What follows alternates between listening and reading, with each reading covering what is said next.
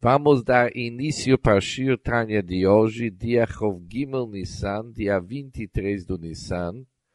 O Shir Tanya de hoje começa na nona linha, na página 116.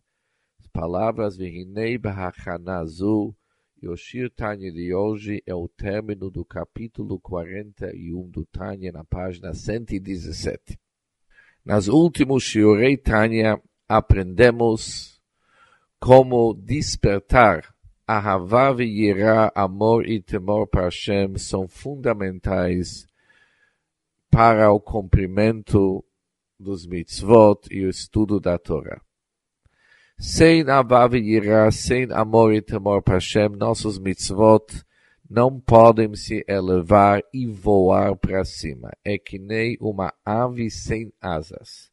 E somente quando o nosso estudo da Torá e cumprimento de nossos mitzvot é acompanhado com sentimentos de Avav e Yirá, isso faz que nosso estudo da Torá e cumprimento das mitzvot podem se elevar até os firot da Hashem, até os atributos da Hashem, nos mundos celestiais, ocupando o verdadeiro lugar na santidade. Também vimos que parte da meditação e parte do kavaná, parte da intenção do cumprimento dos mitzvot tem que ser não somente de unir nossas almas com Hashem, cada um individualmente, mas também devemos nos preocupar com todas as almas do Bnei Israel, para ele se ligar também com Ensof. Mas sem dúvida nenhuma, o fato de querer que nossas almas se unem com Hashem e para ser inclusos no Or Hashem, isso é algo que cada um de nós está querendo com toda verdade, verdade que existe nele, tanto pelo seu coração como tanto pela sua alma. Também estudamos que a dedicação da Torá e Mitzvot está muito ligado com o conceito de autossacrifício. No momento do estudo da Torá, ou no cumprimento dos mitzvot, uma pessoa não se preocupa com as necessidades de seu corpo, mas seu pensamento é unido e vestido nas palavras da Torá Tfilah. Estão unidos mesmos. E bem igual ao conceito dos Nishamot no paraíso, que de fato eles se dedicam às letras da Torá e Tfilah. O mesmo conceito é quando uma pessoa se dedica com toda a sua devoção no estudo da Torá e cumprimento das mitzvot na sua fila. E hoje vamos continuar o raciocínio para entender o conceito do Messirat Nefesh, da autossacrifício através do estudo da Torá e cumprimento dos mitzvot. והנה בהכנה זו של מסירת נפשו להשם. Como esse preparo de entregar sua alma para Hashem.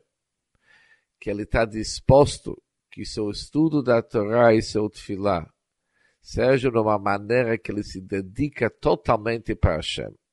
Da mesma maneira como que a alma se desvincula do corpo, assim também durante o estudo da Torá e tefilá, ele se desvincula de todos os assuntos mundanos.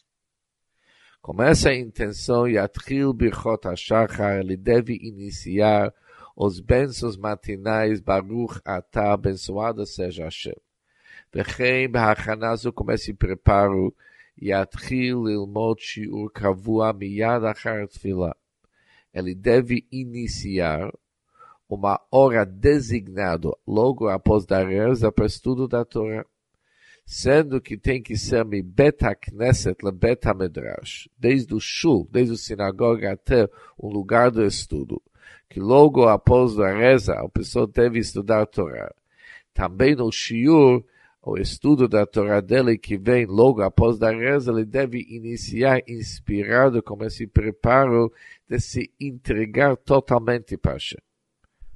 וכן עשי também באמצע היום no meio do dia, קודם שיתחיל ללמוד antes dele iniciar seus estudos, צריכה הכנה זו לפחות, pelo menos antes dele iniciar seus estudos, ele precisa o preparo que nós vimos antes, que significa que o motivo que ele vai estudar a Torá, que ele está estudando a Torá, é para se dedicar para Hashem e naquelas horas se desvincular de todos os assuntos mundanos e materiais. Que nada como que é conhecido. Sheikar lishma, o principal preparo, quando é necessário lishma le'akev, que le'akev significa que impede, quando não tem no kavanah a intenção certa, isso invalida o ato, o bitchilat halimud bebenunim. É somente no início do estudo no Benonim. Ou seja, o fato de ter uma necessidade de ser lishma, lishma já estudamos antes que significa em nome da Hashem, com sentimentos do ahavá e irá, e como objetivo de se ligar com Hashem. Quando que impede o hachana, quando o hachana é fundamental de tal forma que quando não foi feito, invalida o ato, é somente no início. Quando se dá o início, é aonde que o pensamento tem o sumo importância. O como beget Sefer Torah, da mesma maneira como se escreve um get, um documento de divórcio, um Sefer Torah, שצריכים לשמה לעכב, que a lei diz que eles têm que ser lishma, eles têm que ser feitos em nome da Hashem, uma Sefer Torah. No Get também tem, tem que ser escrito lishma em nome das pessoas sobre quais se trata no Get, sobre quais vão se divorciar. Ou seja, tanto no Get como também no Sefer Torah, a necessidade de lishma é primordial. Mas mesmo assim, Daio é suficiente, Sheyomar Bitchilat Aksiva é suficiente, quando no início do escrever, eles falam, Hareini Kotev L'Shem Kitushat Sefer Torah. Eu estou escrevendo por causa do Gusha da santidade do Sefer Torah. Ou quando se fala sobre um get, ele fala lishmo e lishmo, ele tem que falar, verbalizar que ele está escrevendo aquele documento, documento de divórcio para tal marido e tal esposa. Ou seja, quando que ele tem que falar que é lishmo e lishma, que aquelas pessoas, ou no Sefer que é para a santidade, Sefer Torah, é suficiente quando ele fala isso aqui no início.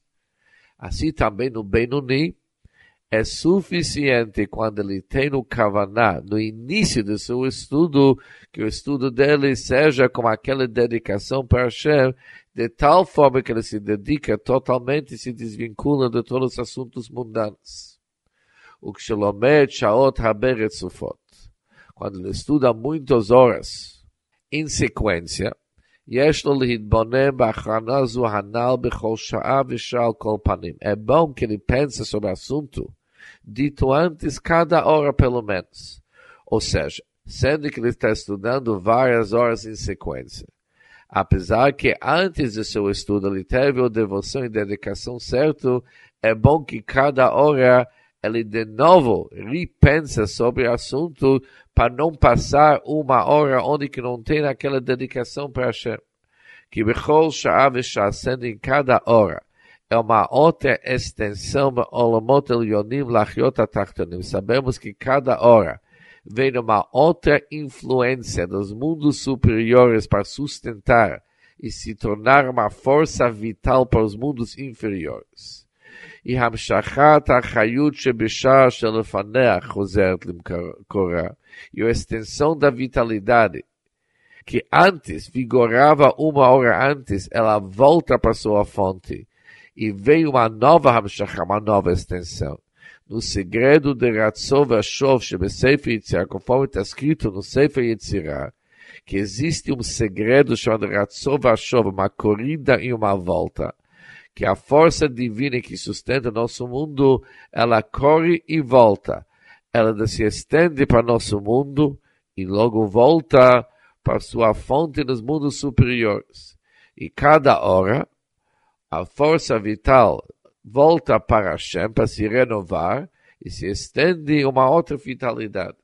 E quando ela volta para sua fonte, ela volta em Kol HaTorah, Masim Tovim Shalatachtonim. Ela volta com todo o estudo da Torá, todos os bons atos que as criaturas e seres humanos aqui em nosso mundo eles conseguiram durante aquela hora.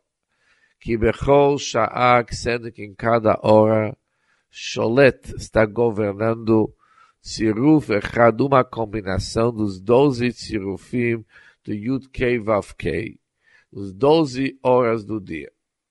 Ou seja, no Yud Kei Vav Kei existe doze maneiras como combinar as letras. E durante a noite é Tziruf Shem Adna, o nome Aleph Dalet Nun Yud, de fato aquele que governa a noite, conforme é conhecido que durante o dia governa em nosso mundo os sirufim, as combinações do nome Yud-Kei Vav-Kei, o durante a noite são os do nome Alev Dalet Nun Yud. E sendo que em cada hora ilumina uma outra força vital, por isso cada hora de novo uma pessoa deve renovar sua dedicação e devoção para Hashem de uma maneira do Messirut Nefesh que nós estudamos antes. E agora o Balatani vai nos explicar. Apesar que nós já vimos que o estudo da Torá e o cumprimento das mitzvot e a avodat eles devem ser uma maneira do Messirut Nefesh, abrindo mão naquelas horas de todas as necessidades e os interesses do corpo, mas se entregar totalmente para Hashem. Mas quando nós falamos se entregar totalmente para Hashem, ele deve ter um pensamento não porque é importante e vale a pena para ele devolver sua alma para sua fonte, para poder alcançar o nível que a alma era antes de descer no corpo, mas o objetivo principal dele tem que ser para fazer um nachatruach, trazer prazer para Deus. Ou nas palavras do Tânia, Vihine kol kavanato, todo seu intenção Sua alma para Hashem através do estudo da Torá e Tfila. Lehalot nitzutz elokut shebetocha limkoro. Para, fato, poder elevar a centelha divina que se encontra em sua alma para sua fonte. O kavaná, a intenção da pessoa tem que ser רק כדי לעשות נחת רוח לפניו יתברך, para trazer prazer para Hashem.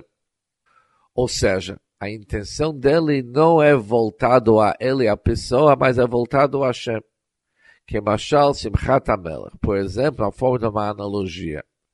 Alegria do rei, Bevoela Beno Yechido, quando volta para seu filho único, Betseito Minashivya ou Bet Asurim, quando ele sai da catividade e do prisão. Assim também o Nefesh Elokidim Yehudi é um Ben Melech, é um filho do rei. Nós somos Banim Atem Hashem Elokim, nós somos filhos para Hashem. E quando nossos Neshamot se encontram, nossos corpos, investidos em nossas almas animais, a alma divina é que nem alguém que se encontra em prisão, preso. Por isso, quando a alma divina consegue voltar para sua fonte para Hashem através do estudo da Torá e Tfilah, é a mesma coisa como o filho do rei está voltando para seu pai, o rei. Isso sem dúvida nenhuma. Isso traz para o Mela, para o próprio rei, uma uma alegria muito grande. Assim também deve ser nossa intenção durante o estudo e a reza, para poder dar para Hashem o narratura prazer e alegria. Mas logo vamos ver que isso aqui uma pessoa pode fazer com toda a necessidade e verdade. Sendo que é seu nefesh que está voltando para Makor, sendo que é seu próprio nefesh que está se aproximando para Hashem, não precisa um amor tão grande como que se exige para aproximar todos os almas do Bnei Israel para Hashem. Afinal das contas, está se falando da sua própria alma.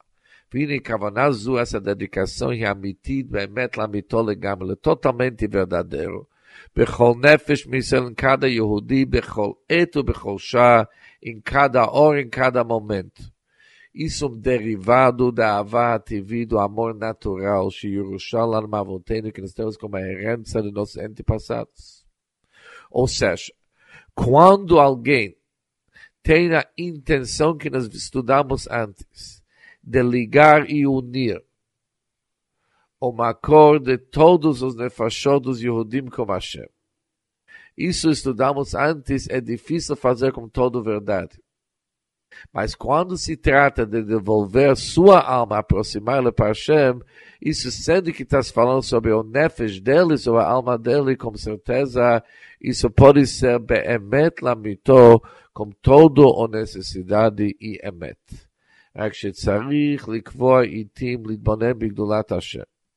Apesar que nós vimos antes, a grandeza do avá TV do amor natural, mas mesmo assim, deve se dedicar horas para contemplar e meditar no grandeza da Hashem, para tentar conseguir despertar Tchilu Urchimu Sichlim, medo, temor, reverência e ahavá e amor derivados do Sech.